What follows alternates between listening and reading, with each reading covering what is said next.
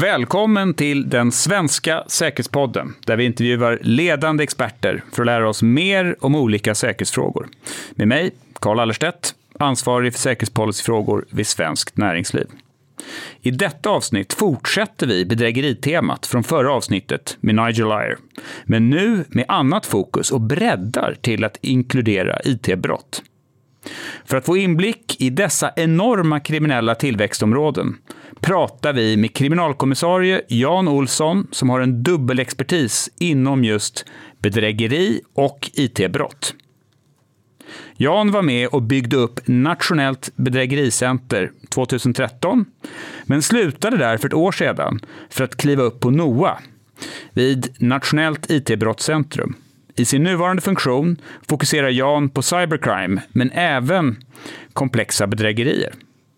Avsnittet spelades in i november 2019. Välkommen Jan! Ja, tackar, tackar. Jag noterade på din LinkedIn-sida att du har läst teknisk fysik vid KTH. Hur många kollegor inom polisen känner du som läst teknisk fysik? Jag tror att det är ett grundkrav. Nej, där skojar jag naturligtvis. Nej, det tror jag kanske inte att det är så där väldigt många men däremot så finns det en hel del med akademisk bakgrund faktiskt. Och sen måste jag ändå lägga till då för mina studiekollegor då 1988 när jag läste där att efter tredje året så gick jag in på Polishögskolan istället så att jag har ingen slutexamen. Men det ser snyggt ut faktiskt på CV, det gör det. Innan vi börjar, berätta gärna lite mer om, om dig själv och kanske framför allt om vad du har jobbat med inom, inom polisen. Ja, jag har ju varit polis ganska länge, eller 28 år för att vara ganska exakt. Då, då. Och eh, man kan ju säga så här, de sista 10-12 åren så har jag fokuserat mot internetrelaterade brott och framför allt bedrägerier där jag jobbar som, eh, som eh, samordnare och, och expert inom, inom alla typer av, av bedrägeribrott egentligen. Eh, sen sista året då så har jag eh, startat mitt arbete på Nationellt IT-brottscentrum på NOA. Och det är då eh, lite mer inriktat mot de eh, kvalificerade komplexa IT-brotten där även naturligtvis eh, bedrägerier också förekommer men det är överbelastningsattacker och det är olika sorters trojaner vi jobbar med. Och det leder oss in att vi ibland stöttar i, i kanske narkotikaförsäljningssammanhang där vi plockar ner de här sidorna på dark web då, som, som säljer eh, narkotika men det kan också lika gärna handla om en mordutredning där de har en komplex IT-sten som vi då hjälper till att lyfta på och se vad vi kan hitta där under. Så allting som är komplext, det är något, någonting som, som vi sysslar med här. Jag tänkte vi kanske delar upp intervjun med dig i, i två delar. Den första mm. om bedrägerier och den andra om IT-brott. Jag är medveten om att det här, ibland är det kanske lite artificiellt att dela upp dem eftersom många brott kan säkert klassas som både IT-brott och bedrägeribrott. Eh, det är riktigt. Det är riktigt. Men eh, vi kan göra ett sådant försök. Mm, om, om vi börjar då med bedrägerierna. Kan du beskriva för våra lyssnare hur Nationellt bedrägericentrum arbetar? Vad är uppdraget och hur många är ni? Alltså, när man tittar på Nationellt bedrägericentrum där jag var då tills för ett år sedan. Där är de då ett, ett tiotal medarbetare som sitter och bevakar eh, bedrägeribrottsligheten i Sverige på ett nationellt plan. Och det handlar ju naturligtvis om alla typer av bedrägerier. Allting från hästskojaren till då de internetbaserade och de internetbaserade bedrägerierna det utgör ju kanske 80% av alla bedrägerier. Så allting det är ju, blir ju mer och mer digitaliserat. Deras jobb är ju inte att utreda de här brotten utan vad de ska göra, de ska naturligtvis titta på om det går att samordna de ska hålla reda på nya modus operandi de ska också se om det finns metodutvecklingsmöjligheter för utredare Sverige att kunna ha nytta utav. Och sen så ska de naturligtvis bevaka bedrägeribrottsligheten internationellt också. Så det är alltså en icke-utredande eh, enhet eh, vilket är ganska naturligt eftersom de då ska vara centrum av excellens för att kunna sprida ut kunskapen ut på regionerna och vidare ut på lokalpolisområdena. Så om man tänker på den här helhetsbilden, som man får, hur, hur, hur ser bedrägeriutvecklingen ut i Sverige? Vad är de största problemen och hur, hur ser utvecklingstrenderna ut? Ja, det är så här oavsett när man tittar på alla internetrelaterade och internetbaserade eh, brott så är ju det ett svar på den digitalisering som vi medmänniskor, vi vill ju ha den här digitaliseringen. Vi vill ju ha snabba betalningslösningar. Det ska vara så krångelfritt som möjligt att leva helt enkelt. Det är bara det att vi som art, alltså vi som Homo sapiens klarar inte av digitaliseringen. Det här utnyttjar de ju kriminella.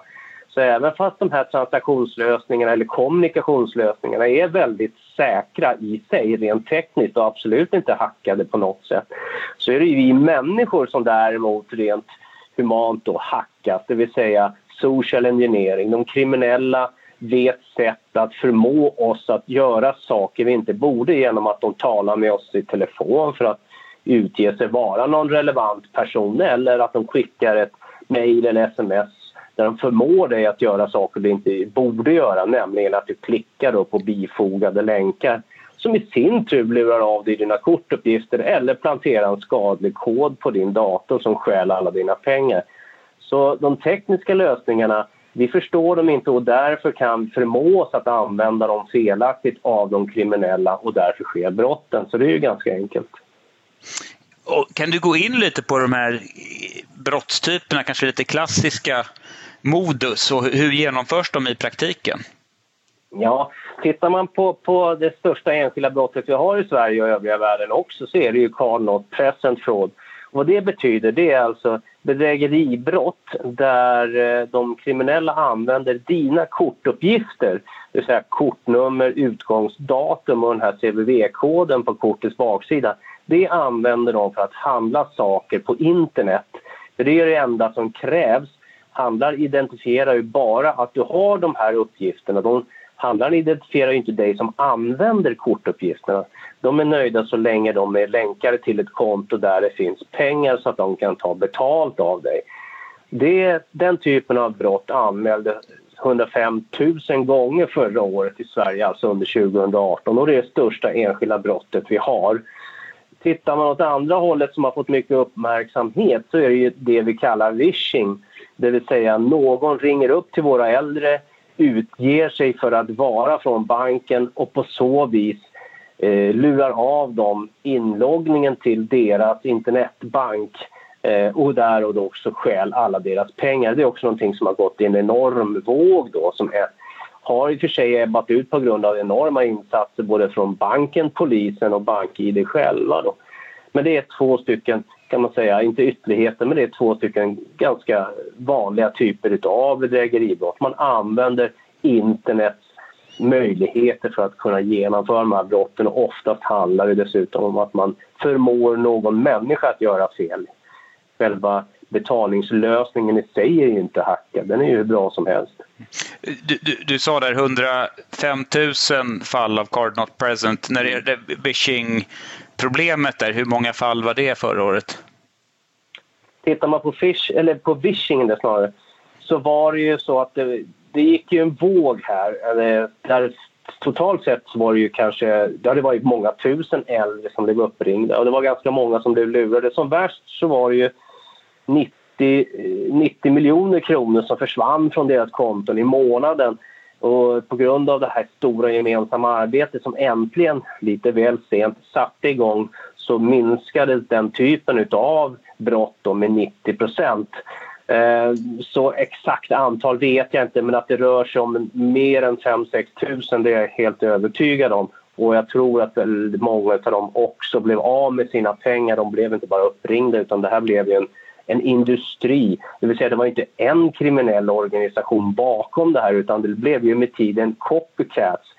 Jag vet ju att Polismyndigheten då eh, som såg till att samtliga polis, sju regioner inom polisen arbetade mot det här samtidigt grep ju någonstans 6, 7, 8 olika organisationer och det var i och för sig inte riktigt alla men det var de som var mest effektiva att lura våra äldre på deras pengar. Så att här ser man ju att när det är väldigt lukrativt så blir det snabbt många andra kriminella som inte sitter still i båten utan de vill ju också ta del av den här penningfloden som sveper förbi.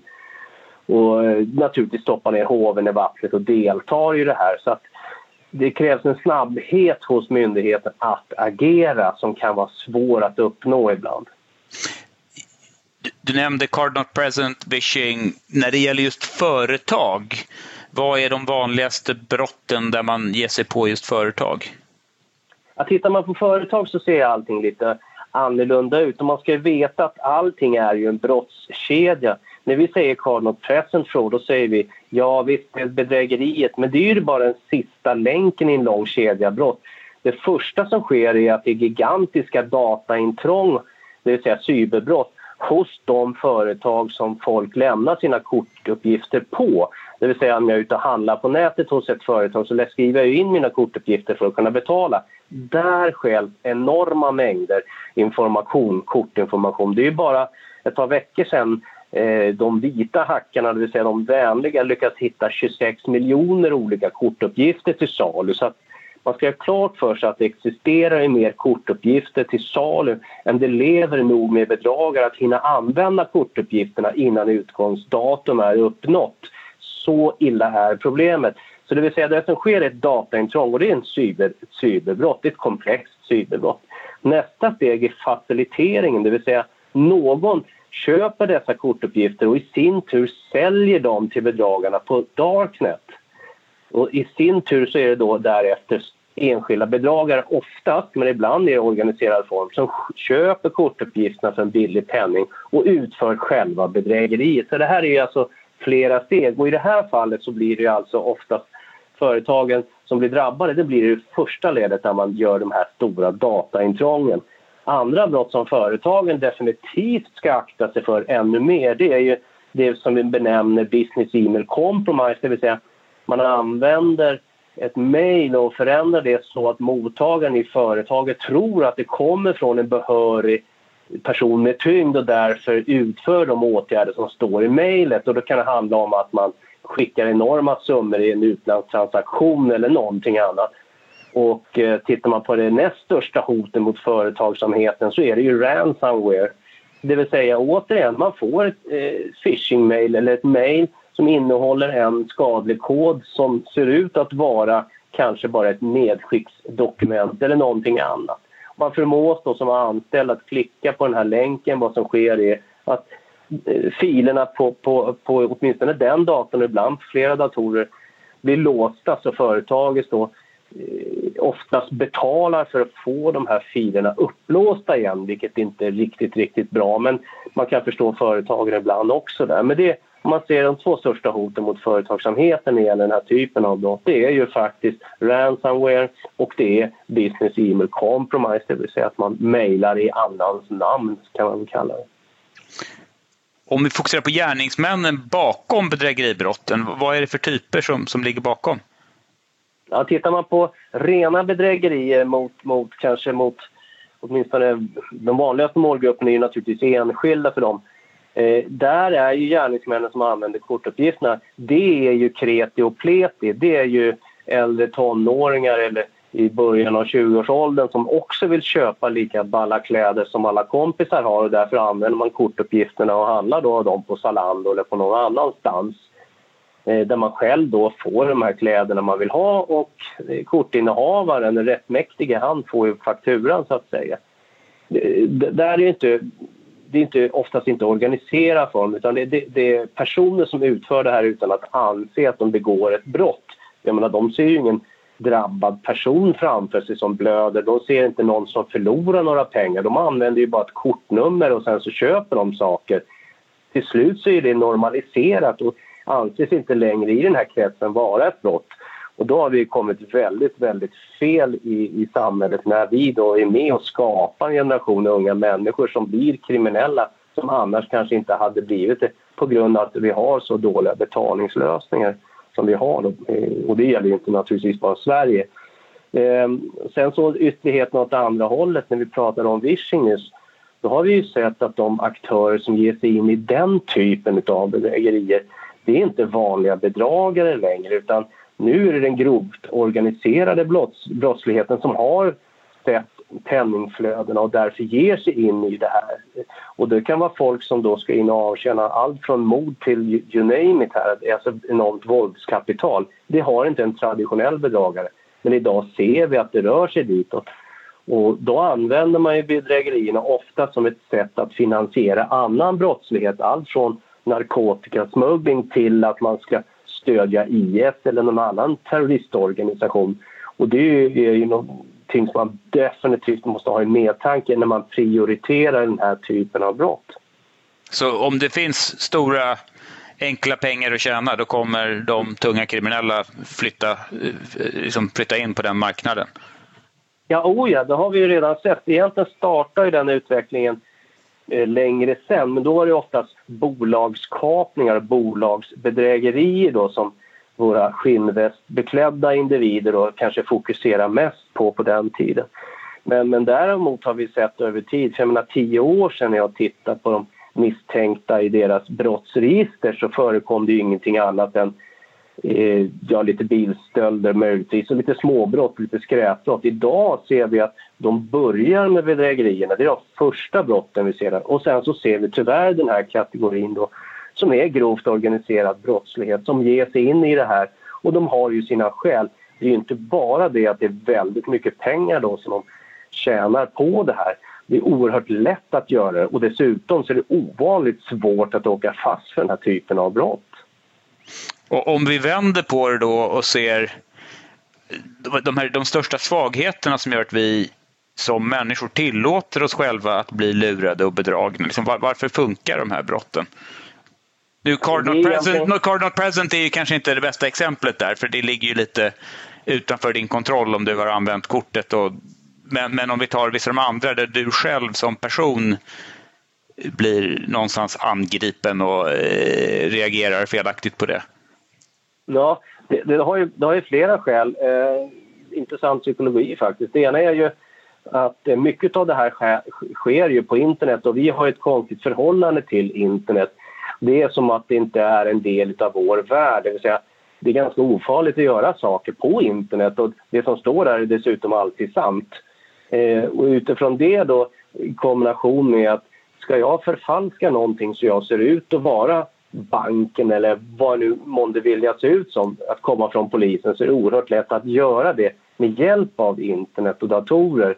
Det vill säga jag kan förmå dig att tro på ett enkelt sätt att jag är representant för polisen och därför måste jag för att skydda dina pengar ha dina kortuppgifter eller jag måste ha din inloggningsuppgift till din internetbank annars kan du bli drabbad av brott till exempel. Och då, då, då lyckas det här tyvärr ganska ofta. Och lägger man på ytterligare lager i det här, det vill säga att man ringer till någon och den bandit som ringer är väldigt duktig på att luras så, så i kombination med kanske att han använder spoofing, det vill säga han ringer från ett telefonnummer som mottagaren tror tillhör banken eller polisen eller någon annan som har förtroende för. Kombinerar det att den först tittar på telefonen och innan han trycker på grön lur för att svara så står det ju redan att det är Nordea som ringer. Därefter, den han pratar med kan lite eh, eh, banktermer och är övertygande, ja, då är det inte konstigt att väldigt många blir lurade av det här. Om man tänker då, finns det några enkla knep för att skydda sig bättre eller minska risken för att bli utsatt för de här olika bedrägeribrotten? Ja, det gör det naturligtvis. Det, det, och, alltså, lyder man dem så halverar ju brottsligheten, det kan jag ju säga. Då borde man ju få ett polisiärt nobelpris. Men vad det handlar om det är ju till exempel att man ska ju aldrig lämna ut inloggningsuppgifter eller bankkortsuppgifter eller någonting annat till någon som ber om det via mejl eller sms eller att de ringer om för då vet man, är det någon som ringer om det, oavsett vad de säger att de jobbar någonstans, så är det en bedragare. För polisen eller banken skulle aldrig ringa och fråga efter dina uppgifter. Så de skulle aldrig lämna ut. Ett annat knep är naturligtvis ska du ha ett lösenord, då ska du ha ett lösenordshanterare så att det blir så komplext som möjligt för den som vill ta sig in i din dator. Det vill säga, du ska inte använda ditt ABC 123 som lösenord på alla de ställen du har behöver logga in på för då blir du absolut lätt en måltavla för de kriminella. Ett tredje sätt är att ditt bankkort ska du hålla spärrat mot internetköp under den tiden du själv inte handlar. Eh, det medför att om jag är bandit och stjäl dina kortuppgifter så kan jag ju inte använda dem om du har spärrat dem och därför blir du inte heller ett brottsoffer och det är det precis vad vi strävar efter att vi ska få så få som möjligt av. Och där, stämmer det att Sverige ligger hyfsat bra till där, att svenska banker ofta har Eh, såna här kontrollmekanismer. Dels att du kan spärra kortet för köp utomlands, men också att du får verifika verifikations-sms för att bekräfta att det verkligen är du och sådär. Mm. Alltså, vi, vi, vi, ligger, vi ligger inte dåligt till, det gör vi inte. Dessutom så har det, det polisiära samarbetet med bankerna är ju otroligt bra jämfört med andra länder runt om i Europa. Jag jobbar ju mycket ute i Europa vet därför om vilka problem och svårigheter andra polisorganisationer har i sina respektive länder. Det har inte vi. Vi har ett otroligt bra samarbete. Och det har ju räddat mycket av det här. Ändå, eftersom jag är polis, så tycker jag man ska ha ännu hårdare kontroller från bankerna. Det är ju mitt jobb att tycka så. Till exempel, varför ska det vara valfritt om kortet ska vara spärrat eller inte? Alltså per default. Nordea har ju alltid spärrat för alla sina kunder. Det är ingenting du väljer. Och skulle du glömma att spärra det själv så spärras det automatiskt. Och då blir ju kortet mycket säkrare för att vi har ju upptäckt att de, de banker som, där kunden själv får välja om det ska ligga öppet hela tiden eller om det ska vara spärrat. Där är det inte stor skillnad. De har fortfarande mycket bedrägerier på grund av att människan sannolikt då är lat av naturen eller inte vet om servicen. Så där vill jag snarare att bankerna ska bli lite ännu tuffare. Även om jag kan medger glatt att de är duktiga på det de gör idag jämfört med tio år sedan. Men de kan bli bättre likväl som alla andra kan bli bättre.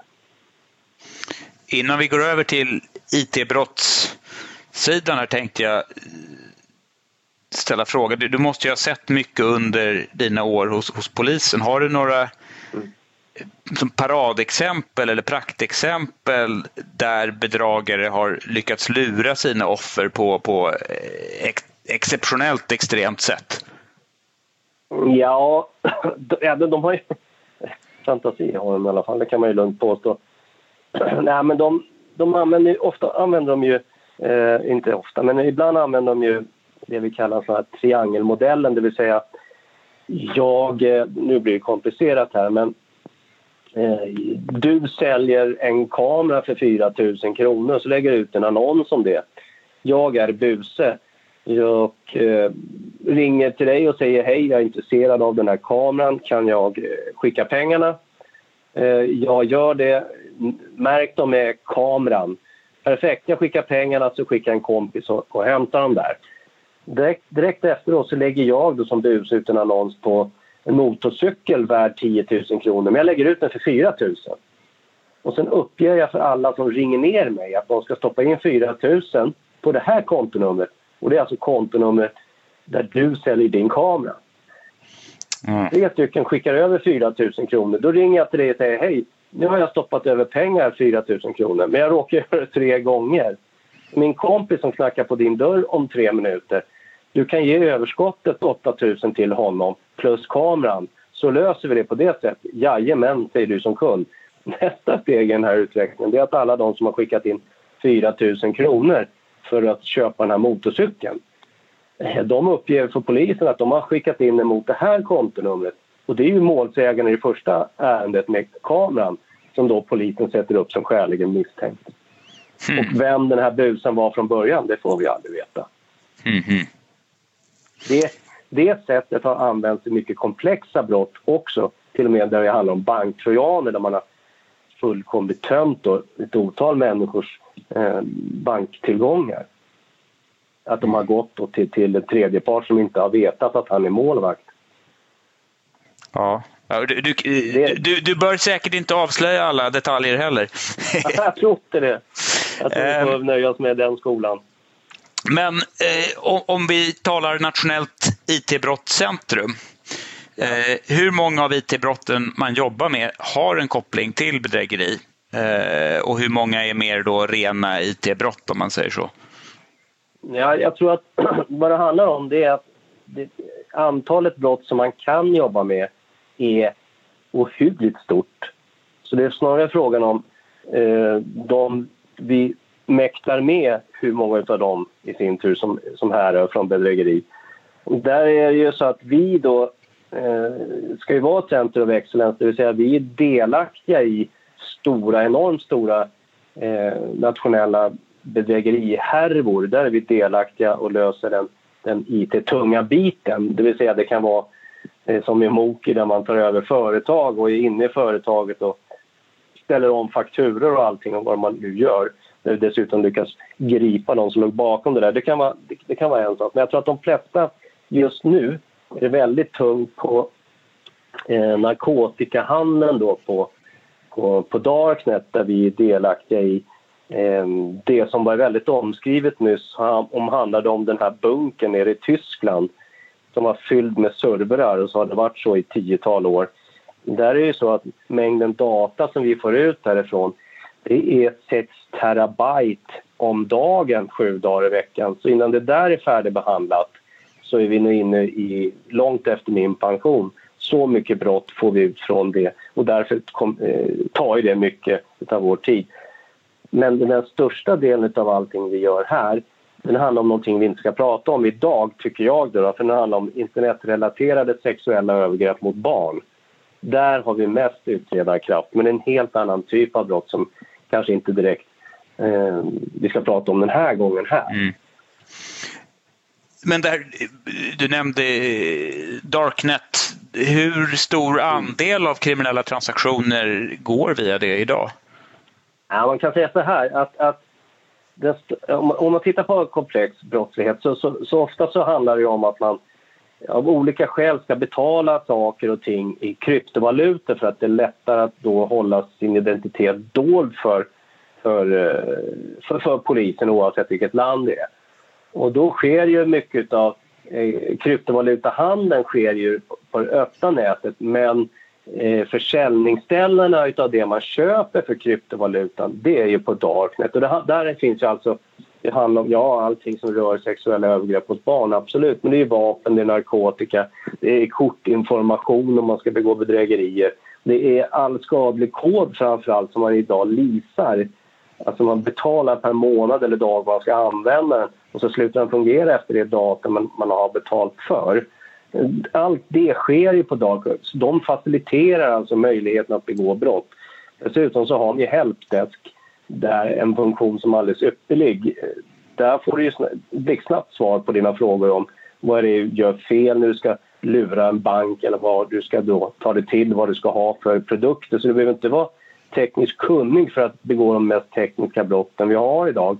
Utan det får du information om på Darknet eller så köper du de beståndsdelarna som behövs i ditt, i ditt kriminella upplägg helt enkelt. Så, alltså Darknet i sig utgör en väldigt stor del av eh, faciliteringen av komplexa cyberbrott, absolut, men även en stor del av all annan typ av lite mer kvalificerad gränsöverskridande brottslighet också. Mm. Om vi tittar på polisen i Sverige idag, hur, hur många är det som är specialiserade just på IT-brott?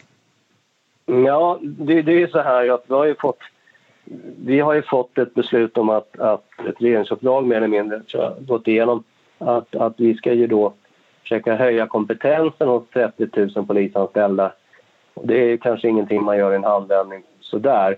Men tittar vi på oss som jobbar med det här väldigt aktivt så på, eh, på NOA då har vi Nationellt IT-brottscentrum där vi då 2015 var 35 stycken. Idag då är vi 100 stycken. Eh, dessutom parallellt med har vi byggt upp då i de sju regionerna ett varsitt regionalt bedrägericentrum ihop då med regionerna. Och de ska då besättas med mellan 35 och 80 personer per region. Och börjar man räkna då så ser man att det är en ofantligt stor satsning på IT-brottsligheten. Eh, då blir följdfrågan, kommer det att räcka då? Nej, det kommer det naturligtvis inte att göra, men situationen kommer åtminstone bli bättre. Så hela pyramiden är uppbyggd så att vi här på NOA, då, nationell nivå, vi ska vi utreder brott här, det gör vi, men det gör vi då framför, framförallt i syfte att lära oss exakt vad som krävs för att nå i mål. Sen ska vi ta den metodutvecklingen och lägga ner mot regionerna som i sin tur då ska vara kapabla att utreda den här typen av brott och skjuta ner ytterligare brott av lite enklare beskaffenhet men ändå IT-tunga, kanske på lokalpolisområdet så att i Sverige som helhet ska bli bättre att kunna ta emot den här anstormningen som sker som dessutom inte kommer minska i svårighetsgrad. Och hur svårt kommer det vara att rekrytera tillräckligt med lämpliga IT-kunniga personer till det här brottspreventiva? Det är svårt. Jag menar, vi har hållit på i fyra år, gått från 35 till 100. Och då har det satsat rätt mycket av det här. Men det här tar ju lång tid. För det första ska du ha väldigt, väldigt duktiga människor. Det är det som är lite grann poängen här, hos oss i alla fall. Och dessutom ska de acceptera att de inte får samma, samma lön och sådana förutsättningar som i det privata näringslivet. Och därför tar det, så, tar det lite tid att hitta då, eh, personal då som passar in och, och, att vi ska passa in för dem. Så det, det, det, det är svårt. Jag frågade tidigare om mänskliga svagheter när det gällde bedrägerier. Men om vi tänker då eh, när det gäller att hantera IT-hot, finns det några speciella mm. mänskliga svagheter där som gör oss dåliga på att hantera den här typen av hot? Ja, där tror jag mer, mer, om vi tittar nu på företagen, där tror jag eh, snarare kanske lite lathet och ovilja att förstå som, som, som är en, en eh, stark faktor. Det vill säga säkerhetsavdelningen har inte direkt fått plats i styrelserummet och de små, små, små företagen har inte haft tillräckligt med tid och kapacitet att sätta sig in i vad de måste göra för att skydda sig. Eh, där handlar det om att man kanske inte patchar, det vill säga man uppgraderar inte sina system. Eh, man har alldeles för enkla lösenord.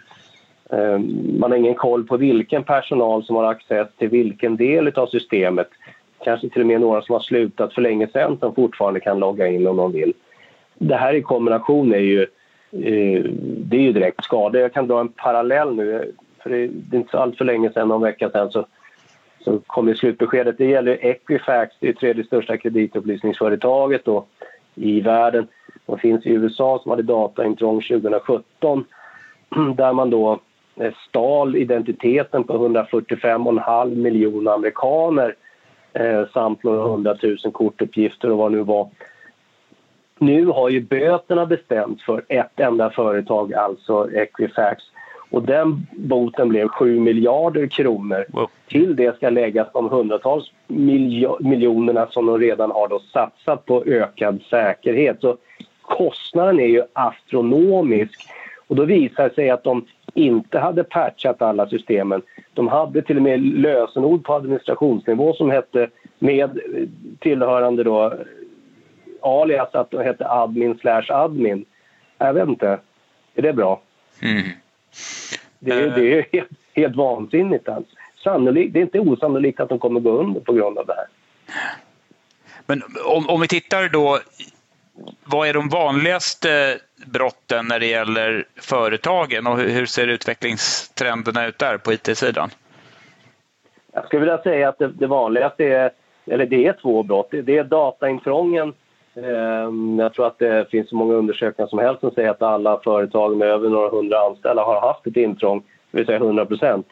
Ehm, och då, då, är det allt från att man eh, stjäl eh, affärshemligheter till att, att, att man eh, eh skadar föret, företagets direkt i deras faktureringssystem eller vad det månde vara. Det, det är dataintrången. Då. Sen har du naturligtvis ransomware eh, där du betalar dig fri. Och i och för sig så oftast så löser sig om du betalar oftast. Men däremot så finansierar ju då organiserad brottslighet om du gör det, vilket är inte oväsentligt i sammanhanget. Eh, gemensamt för, för eh, alla de här företagsbrotten, alltså stora kostsamma intrång och säkerhetsbrister som man utnyttjar då hos större företag framför allt då, det är ju att de inte polisanmäler det här för att det är ju knappast bra för deras varumärke eh, att de gör att det blir offentligt, tycker de då. Och därför så är ju mörkertalet helt ofantligt. Eh, så där tittar ju vi för att bilda oss en uppfattning om hur det ser ut i Sverige på omvärlden och vad som har framkommit där och då blir bilden väldigt, väldigt mörk. Så jag tror att det, det är svenska företag som har anmält att de har via, efter ett mejl, skickat 170 miljoner kronor också. Visst gör det det, men jag vet ju att det är oändligt många fler som har blivit av med väldigt stora summor. Det är bara det att de ringer och rådfrågar, de anmäler inte. Men hur, alltså, om vi tänker vissa länder, där har man ju regler och förhållningssätt när det gäller att eh, betala mm. för gisslan. Att man har en policy att man absolut inte ska betala för gisslan för genom det så uppmuntrar man då till att brottslingar på sikt då eh, lär sig att de tjänar pengar på det där. Eh, men, men i Sverige ja. idag, det är alltså det, det är lagligt för ett företag att betala en sån här ransom?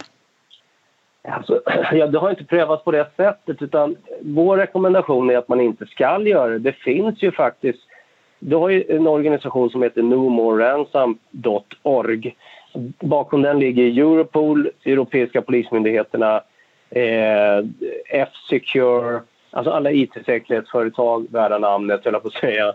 Det var elakt mot Norton. Men de lägger ut sina nycklar gratis där så att man ska kunna låsa upp sina sina filer som är låsta utan att betala förövaren. Och då är det någon som har sagt att ja, det är så mycket gamla koder där. Ja, men samtidigt kan jag också säga att det är över 200 000 företag som har blivit hjälpta. Så det håller inte. Där ska man ju först och främst söka sin hjälp. Och dessutom är det fullständigt gratis det här. Det finns andra ställen också, andra företag som också sysslar med att hjälpa folk att låsa upp sina filer så snabbt som möjligt. Eh, kommer det alltid funka att vända sig till dem? Nej, det kommer det ju inte göra. Och då hamnar man naturligtvis i en situation där jag inte lägger någon värdering i att jag menar, om ett företag går omkull och de inte betalar, då förstår ju jag att de betalar. Jag är inte dum på det viset. Det som är bekymmersamt här det är att jag kanske... Eh, någon vecka sedan så läste jag ju på LinkedIn hur någon tidning då, Svensk Tider, tidning som pratar om datorer och IT-säkerhet Eh, de tror att de skrev upp sju fall eh, varför du ska betala mer eller mindre. Ingenstans i hela artikeln nämndes det att man också, när man betalar finansierar en brottslighet som man definitivt inte mm. borde känna, vilja kännas vid. Och då, då, moraliskt etiskt så måste man ha med den aspekten. Man kan inte utgå från att man struntar i vad pengarna tar vägen. Den måste finnas i bakhuvudet även om man tvingas betala. Ja, men som du sa tidigare, så det, det, det finns ju då potentiella möjligheter att låsa upp datorerna faktiskt gratis. Eh, och sen också om man är förberedd och har gjort backups eh, då blir ju effekten inte lika problematisk såklart som om du inte gör regelbundna backups. Nej, nej, så är det ju inte. Så är det eh, definitivt. Om du, om du har regelbunden backup och kanske har den lite över tid så att det inte ligger skadlig kod på förra backupen och allt vad det nu heter.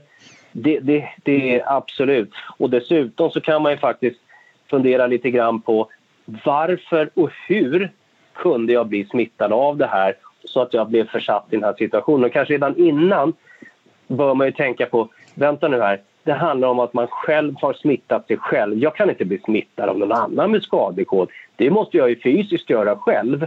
Och det gör jag genom att jag klickar på saker och ting jag inte borde. Det, om jag generaliserar nu alltså. Mm. Eh, så kan man ha en policy och ha en, eh, alltså, en eh, awareness mot vad och hur man blir smittad. Ja, men då kommer vi inte ens i den situationen att man behöver fundera på att betala för då blir man inte smittad helt enkelt. Så att företagen måste naturligtvis skärpa sig lite grann här.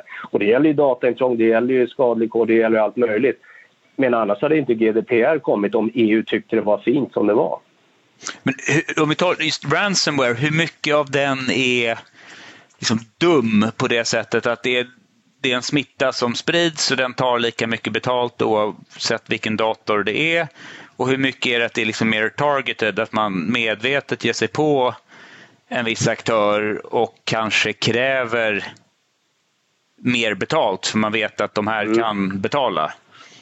Det, det, har ju gått, förut så wailade de ut det Det var ju du och jag som fick man skulle betala 3000 för en bit av en bitcoin. Det, har, det, det, finns fortfarande kvar, men det är väldigt ovanligt. Eller det är ovanligare. Vad som har skett är spearfishing. Man fokuserar då som kriminella på företag som dels ett, de har pengar Dels två, de har ett högt beroende av sina filer. Eh, så nu har det blivit mer inriktat och sen då blir lösensumman, det är ju inte längre 2 500 kronor. Den kan ju vara 10 miljoner kronor också. Och, den, och så fokuserar man på skolområden, sjukhus. Jag tror det är fyra polismyndigheter i USA som har valt att betala till och med. Så att Man fokuserar mer på enskilda företag. De tillsammans är inte lika många som offren förut. Men den totala summan har ju ökat istället. Mm. Och just för att skydda sig där när det gällde spear eh, phishing eh, attackerna. eh, ja, förutom att vara uppmärksam, vad, vad, vad har du för tips? Mm. Ja, det, det, är ju, först och främst det är det ju faktiskt att vara upptäcksam. Eh, den här personen som mejlar mig, hur vet jag att han är han? Och om man sen begär någonting ovanligt, ja det är klocka nummer ett kan man säga. Och nästa är ju begäran att jag ska ladda ner någon länk eller en, bi, alltså en bifografil eller klicka på en länk. Då måste vi vara fullständigt övertygad om att avsändaren är den han är. Och är man tveksam så ringer man och kollar och man ringer ju inte telefonnumret som står i mejlet för då är det antagligen bedragaren som svarar. Utan man måste ha en policy där man säger sen så ska jag lägga till också det finns säkerhetslösningar också som filtrerar bort mycket av den här ransomware som ändå far runt. Nu ska inte jag göra reklam för ett enda märke naturligtvis. Men där kan man också fundera på om man inte ska satsa på lite högre säkerhet även om det kostar någon krona. Det kan löna sig rejält i längden. För, för, du nämnde ju när det gäller företag, det är två huvudproblem. Ett är det här med intrång, att man går in och plockar eh, eller manipulerar information eh, och ransomware-problematiken. Liksom rent, rent, eh, de här intrången, är det samma saker man egentligen ska tänka på? Är det mycket spearfishing som är sättet man kommer in? Hur skyddar man sig bäst? Ja, alltså intrången, det, det, det intrång är komplex. Alltså det, det, finns ju, maskarna som är ute där, de kopplar ihop miljontals av våra internet och fingsattiraljer. Det är också ett intrång, men det är inte riktigt de jag är ute efter. Eh, men det är i och för sig nästan en timmes program till, eller vad säga. Utan vad jag, vad, jag, vad jag tittar på så är det ju de är eh, riktade intrången. Det vill säga att jag, jag fokuserar på ett, mot ett visst företag. Och då, då ska man ju veta att de som gör det här, oavsett om det är ett ransomware eller någonting annat. Tyvärr så ser vi att nu är det statsstödda angrepp mot företag som går in via internet och finns i företag för att stjäla deras affärshemligheter.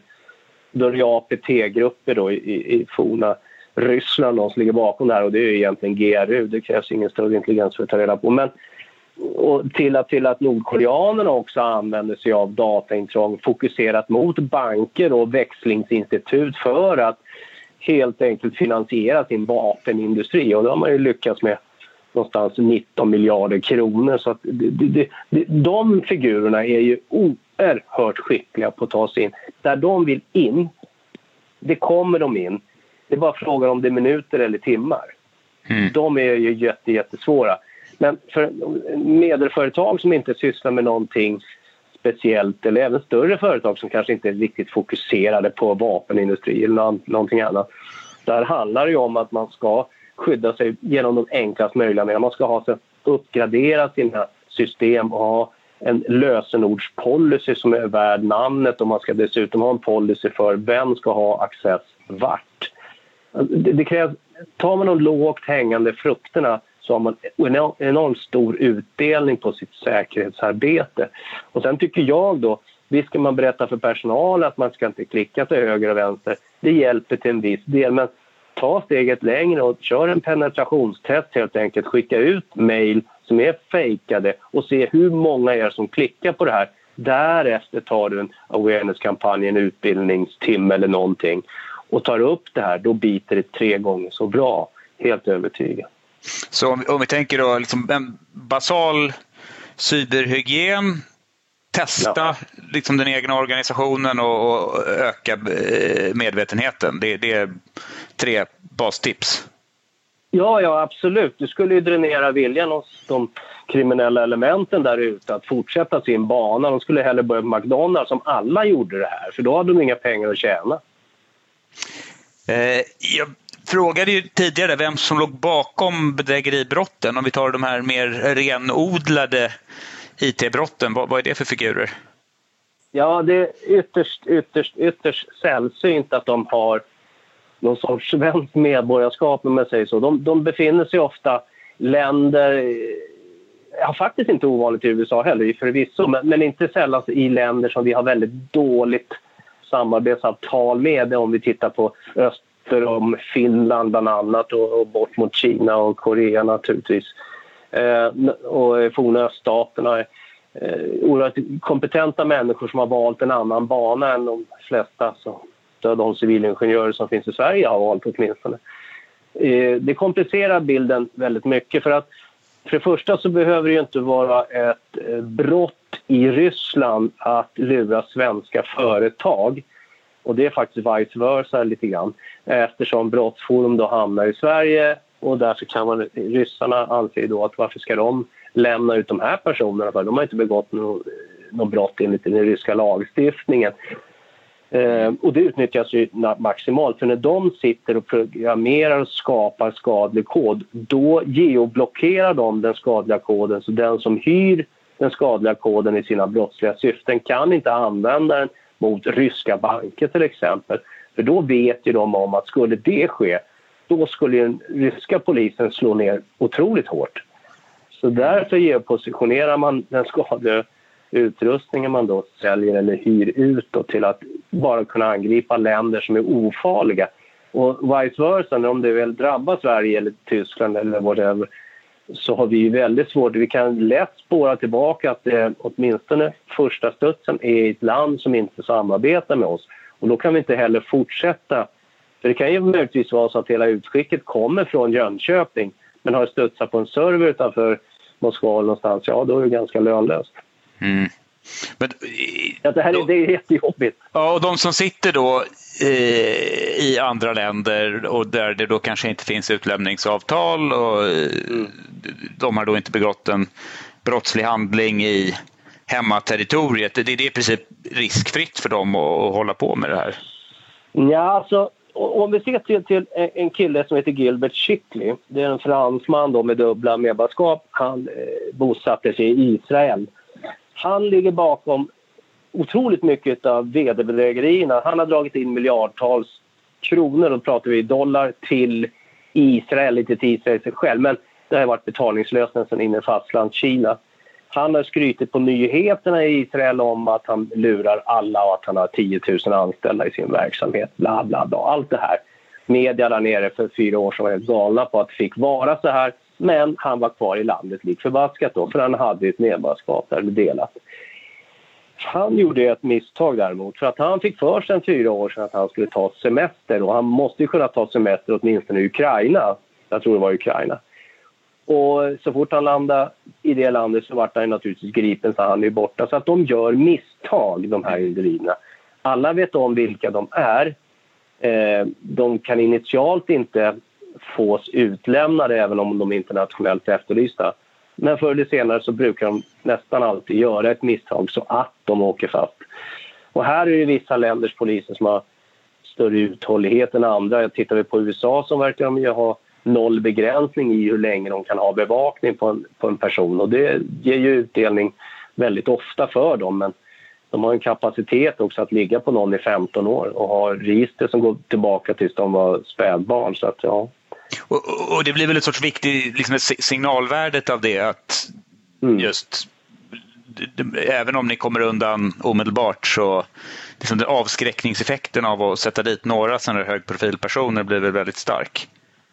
Ja, det blir ju det och det, det, det ligger en, vikt, en, stor vikt i det. För man kan ju tycka att ja, men det finns ju så många och, och det kostar ju så mycket att få fast dem. Ja, men just det här signalvärdet av att de kan åka fast gör ju att naturligtvis att en del då inte ger sig in i det här eftersom det bevisligen inte är riskfritt. För just att det är eller anses vara riskfritt gör ju att så många utför den här typen av brott när de tror att de inte kan åka fast överhuvudtaget. Men det kan de. Så jag har hört att, att man i England nu har fler anmälda IT-brott än, än vanliga brott. Hur, hur snart är vi där i Sverige? Ja, tittar man på Ska man titta på cyberbrott och titta på bedrägerier så är det ju långt kvar naturligtvis. Jag tror vi tittar på bedrägerierna som är absolut flest här så var det ju någonstans 260 000 anmälda 2018 men det var ju totalt sett 1,6 eller 1,7 miljoner anmälda brott. Så, men tittar man på alla brott med IT-relevans, det vill säga internetrelaterade, ja då blir siffran mycket högre och då skulle det förvåna mig inte speciellt mycket om vi kanske faktiskt redan var där idag. Jag har inte de siffrorna framför mig, men det är inte speciellt förvånande. Då tänker jag på alla brott där man på något sätt har använt då internet i sin brottslighet. Det kan ju vara för att lägga ut en annons eller det kan vara för att man använder det som datingportal någonstans för att lura till sig någon eller ja, på ett eller annat sätt. Hade det inte varit för internet så hade brottsligheten varit lägre, så är det. Mm. Nej, och det är klart att eh, på samma sätt som en, en, en, eh, ett fordon eller ett vapen kan användas i ett brottsligt sammanhang. Det blir naturligt mm. att det blir ett sorts IT-inslag i väldigt mycket nu för tiden, för IT figurerar ja. i det mesta. Det, det, den stora nackdelen är, eller en anledning till, till att det ser ut så här, det är att om jag använder en bil som ett brottsverktyg, det tar emot innan jag kör över någon. För jag ser den framför mig, den här människan. Jag ser vilken, vad jag åsamkar för skada. Men använder jag internet på samma sätt då, då ser jag inte det. Internet blir en sorts mental spärr, så rent känslomässigt så behöver jag inte vara störd person för att kunna göra saker som om jag hade gjort det fysiska livet hade varit väldigt konstigt att du kunde ha gjort. Ja. Det, blir, det blir en dimma. Ja, så, så, så, att, egentligen då om vi tänker i, liksom, i den vanliga världen, det, det, är en sorts tröskel att begå vissa brottsliga handlingar mm. för man kanske ska då behöva träffa obehagliga personer om man nu vill köpa eller sälja någonting. Det kan vara liksom fysiskt våld som man själv är inblandad i. Eh, här försvinner ju det här. Är inte det också då, om vi tänker, det här, vi är fortfarande någonstans i början av den här digitala tidsåldern. Finns det inte en fara här att om folk börjar beställa kriminella tjänster att... Jo, det gör de redan. Ja, och att det blir just ett vålds... Ja, den här som du nämnde lite, liksom hur, hur, hur, om vi tittar då runt hörnan i framtiden, vad, vad befarar du om vi tittar på framtidsutvecklingen? Liksom, vad är det som kommer öka? Är det några, några, nya typer av cyberbrott runt hörnan som, som vi inte sett mycket av ännu? Nej, men om, ja, det, där är, här, här vill jag säga flera saker. För det första så eh, vi, vi är ju redan där. Vi har ju en, en enhet hos oss som tittar på de svenskar som beställer streamade våldtäkter på fyraåringar i Filippinerna och anser inte att de begår något speciellt brott för att det där sker ju bara på internet. Men det finns en verklighet på andra sidan. Vi har fått dem fällda för våldtäkter, absolut. Men det är en konsekvens av internet, naturligtvis, att man använder det som skyddsbarriär. Eh, då är frågan, skulle de eh, ha begått de här våldtäkterna eller något annat mot barn om internet, internet hade funnits? Jag tror åtminstone risken hade varit mindre att de skulle ha gjort det. När vi har tittat på vad de har i sina egna brottsregister så så verkar också tyda på det. Så internet eh, naturligtvis möjliggöra. Och då kan man ju se, det ökar nu, ja det gör det, kommer det öka i framtiden? Ja det kommer det naturligtvis göra i och med att dels för att tillgängligheten till internet, datordensiteten, det vill säga antalet datorer i världen ökar och fler och fler får access via sina smartphones att, att komma åt internet på, på ett sätt som inte gick för bara en handfull år sedan överhuvudtaget. Så rent naturligt så kommer det öka. Så, men däremot så tror jag och hoppas att det blir någon sorts kulmen när utrustningen och faciliteringen, allting är eh, utbyggt så att säga. Då måste vi under resans gång här nu eh, skaffa oss ett förhållningssätt till internet. Vi måste vänja oss på ett sånt sätt att vi inser att det som sker på nätet också har en fysisk konsekvens. Kan vi bara inse det, och det borde vi göra som, som Homo sapiens, då borde vi också kunna se att det minskar eller åtminstone kulminerar. Men där är jag ju osäker, för det är ju någonstans i framtiden. Ja, någonstans är väl också just att det som sker på nätet blir liksom en digital kommunikation. Saker kan spåras och eh, så där finns det väl potential i framtiden också att man kan konstruera lösningar för att försvårar vissa eh, kriminella handlingar och transaktioner också?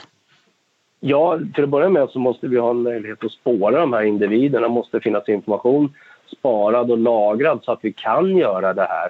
Det, det är ett sätt. Och sen så, eh, det vill säga, då, då kommer ju alla kraven på, på, på eh, operatörerna. Jag ska inte gå den vägen den här gången, men ja, du förstår ju vad jag tycker om det. Men det, det kanske löser sig.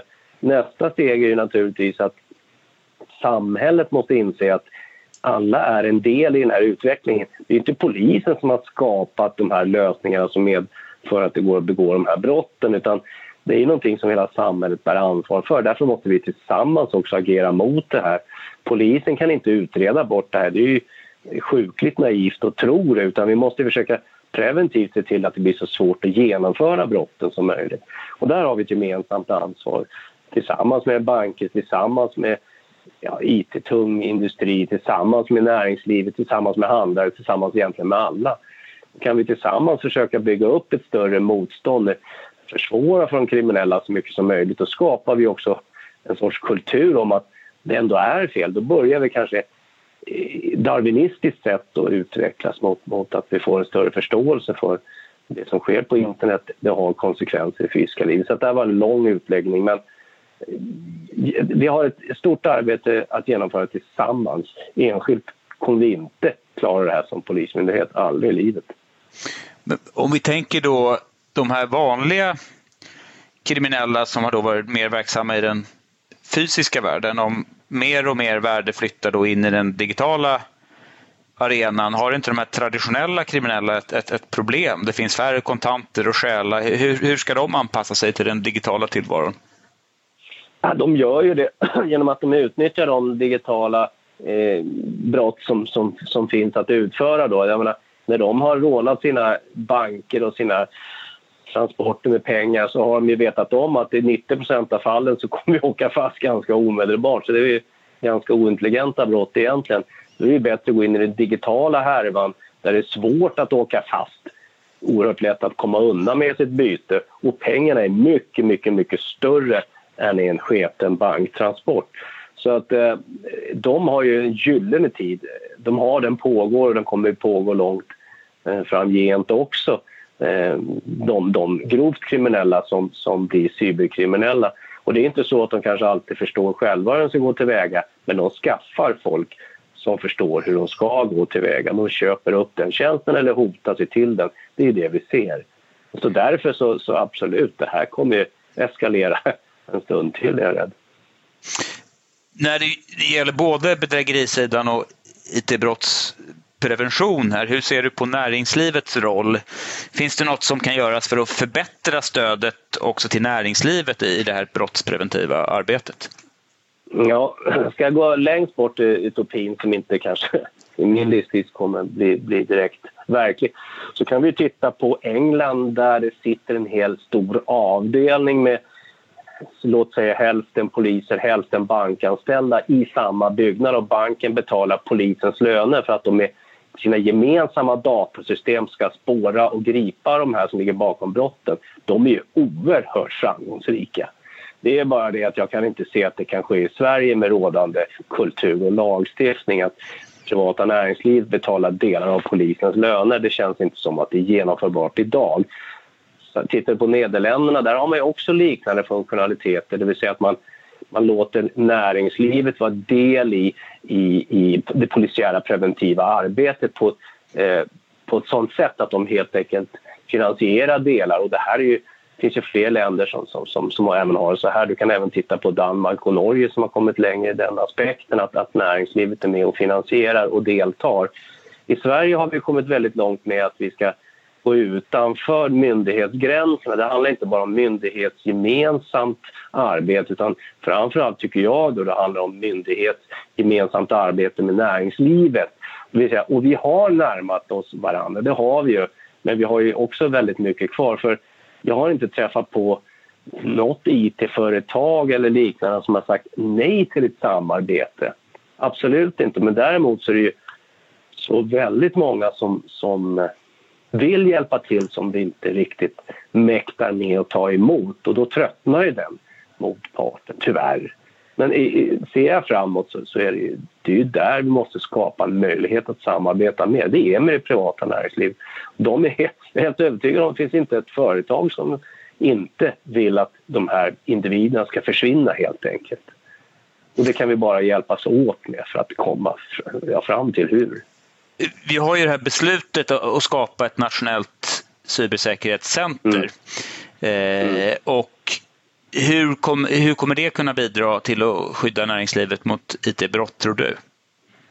Ja, det för det första som det ser ut idag då, då är det väl sju olika myndigheter då som har ansvar mot, för cyberangrepp och tre departement, vilket är fascinerande i sig. Ehm, och då vet ju jag, det finns jättemånga bra skarpa inom polisen, inom MSB, Post och telestyrelsen, Säpo, Must och allt det här. Ehm, det är synd bara att vi inte har ett större gemensamt samarbete. För tänk dig själv att sätta alla i samma rum, inte fysiskt kanske, men samarbetsmässigt. Och vilken konsekvens det skulle vara, hur vi skulle kunna lära varandra utav det här. Det är den ena biten och den har en chans att ske nu, tycker jag. Nästa bit är att jag var ju på deras uppstartsmöte som handlade om, om när privata näringslivet var inbjudna. Jag ska inte gå in på vilka som var där naturligtvis, men det är de som håller på med tillräckligt ja, vad ska man säga, samhällsviktiga funktioner och det kan vara vad som helst. Då. Det var vara 30, 40, 50 företag där inbjudna. Och då dök frågan upp att de företagen var intresserade av inte bara attacker alltså riktade attacker från andra stater mot, mot, mot, för att stjäla en viss sak eller för att angripa infrastruktur utan de vill ju ha nytta av eh, det här centret för att kunna få information om och hjälp med att skydda sitt företag mot komplexa IT-angrepp. Så det, det, där hoppas jag nu att, att eh, från att det kanske varit bara eh, mot de här rent eh, statsmässiga angrepp, att fokusera på det för det här centret till också att innefatta då företag och det de har problem med när det gäller komplexa IT. Lyfter man upp den sistnämnda frågan då tror jag att det här centret kan bli riktigt, riktigt bra. Att det är en förutsättning, det, det är bara att titta på England, det är klart det är det. Mm. Nej, just det där, näringslivet är ju väldigt heterogent också så det kan ju finnas mm. de som har behov av väldigt kvalificerad eh, rådgivning och hjälp. Mm. Och sen det här vissa andra, det här med liksom, den här cyberhygienen, liksom de basala behoven, att det här centret kanske kan spela en roll i att främja det i det breda näringslivet också. Jag, jag hoppas ju på det. Eh, det här är i sin linda, men i min drömvärld, eh, min drömscenario så, så ska det här bli en stor påverkansfaktor i hela samhället som ska bestå av samhället också. Eh, inte bara myndigheter utan, utan, utan näringslivet. För den skada som näringslivet kan drabbas av är ju ofantlig. Och den har en, en samhällelig påverkansgrad, eller kan ha det dessutom. Då, och därför så måste de få hjälp och stöd i det här. Det är inte så att alltså, näringslivet har ju otroligt mycket stor del av spetskompetensen men om jag tycker att det är lite trist att vår spetskompetens är uppdelad på sju myndigheter. Jag menar, näringslivet består av lite mer än sju företag som har IT-kunnig personal. Så hur samlar man information om metodutveckling, hur man skyddar sig, vad man ska akta sig för just nu eller imorgon. Hur, hur samlar man och sprider det utan att man klampar in på i konkurrensområdena? Jo, det är att man samlas under det här centrets tak och därigenom blir centret garanten, det vill säga någon sorts safe haven då för att kunna eh, öka samarbetet som annat kanske hade varit känsligt. Så att jag, jag, kan se dem som ett nav som, som kan bli fantastiskt bra. Mm. Nej, och det finns ett behov av att ha en sorts struktur också för kontakt mellan det offentliga och privata. Ja. ja, det, det är inte utbyggt överallt, det kan jag ju säga. Eh, jag tänker nu, vi, vi börjar närma oss slutet här. Vad skulle dina tips vara till våra lyssnare? Om man vill skydda sig mot IT-brottslighet och bedrägerier, var finns den bästa informationen? Ja, alltså, tipset är naturligtvis det är det traditionella då att, att eh, låter det för bra för att vara sant så är det inte sannolikt så. Det är ingen som skänker bort pengar där ute. Och sen de traditionella tipsen som finns, egentligen finns de hos bankerna, finns hos polisen.se eller stöldskyddsföreningen, you name it. Det är att hur du hanterar ditt kort, hur du hanterar dina lösenord, vilken policy har ni i företaget, speciellt små och medelstora företag. Eh, all den här informationen finns till och med på MSB hemsida så finns det också. Så att, där behöver man inte egentligen gå in på i detalj utan det har vi gått igenom under programmet känner jag innan vi slutar eh, vill jag också passa på att fråga om det är något du vill tillägga? Nej, det är ingenting jag vill tillägga utan alltså, någonstans poängen som jag då eh, bottnar i efter alla dessa år och eh, överallt där jag varit, det är ju naturligtvis att, att vi ensamma kan inte göra någonting. Eh, vi måste göra det här tillsammans och det stort ansvar ligger på Polismyndigheten att efterfråga hjälp i det här, för det är inte speciellt populärt. Right. Nej, Jan, stort tack för ditt deltagande i Säkerhetspodden. Efter att ha intervjuat Jan Olsson känns det som att misstänksamhet är en egenskap som kan bidra till att undvika många problem. Jag tänker på titeln till Intel-chefen Andrew Groves bok Only the Paranoid Survive. I nästa avsnitt fortsätter vi på temat IT-brott med en av Sveriges mest välkända IT-säkerhetsexperter, Ann-Marie Eklund Lövinder vid Internetstiftelsen. Hoppas att du lyssnar då också. Tack för att ni har lyssnat på Svenska säkerhetspodden med mig, Carl Allerstedt. Om du tycker att detta avsnitt eller något annat avsnitt är intressant, tipsa gärna vänner och kollegor om den svenska säkerhetspodden. Tack igen för att du lyssnade.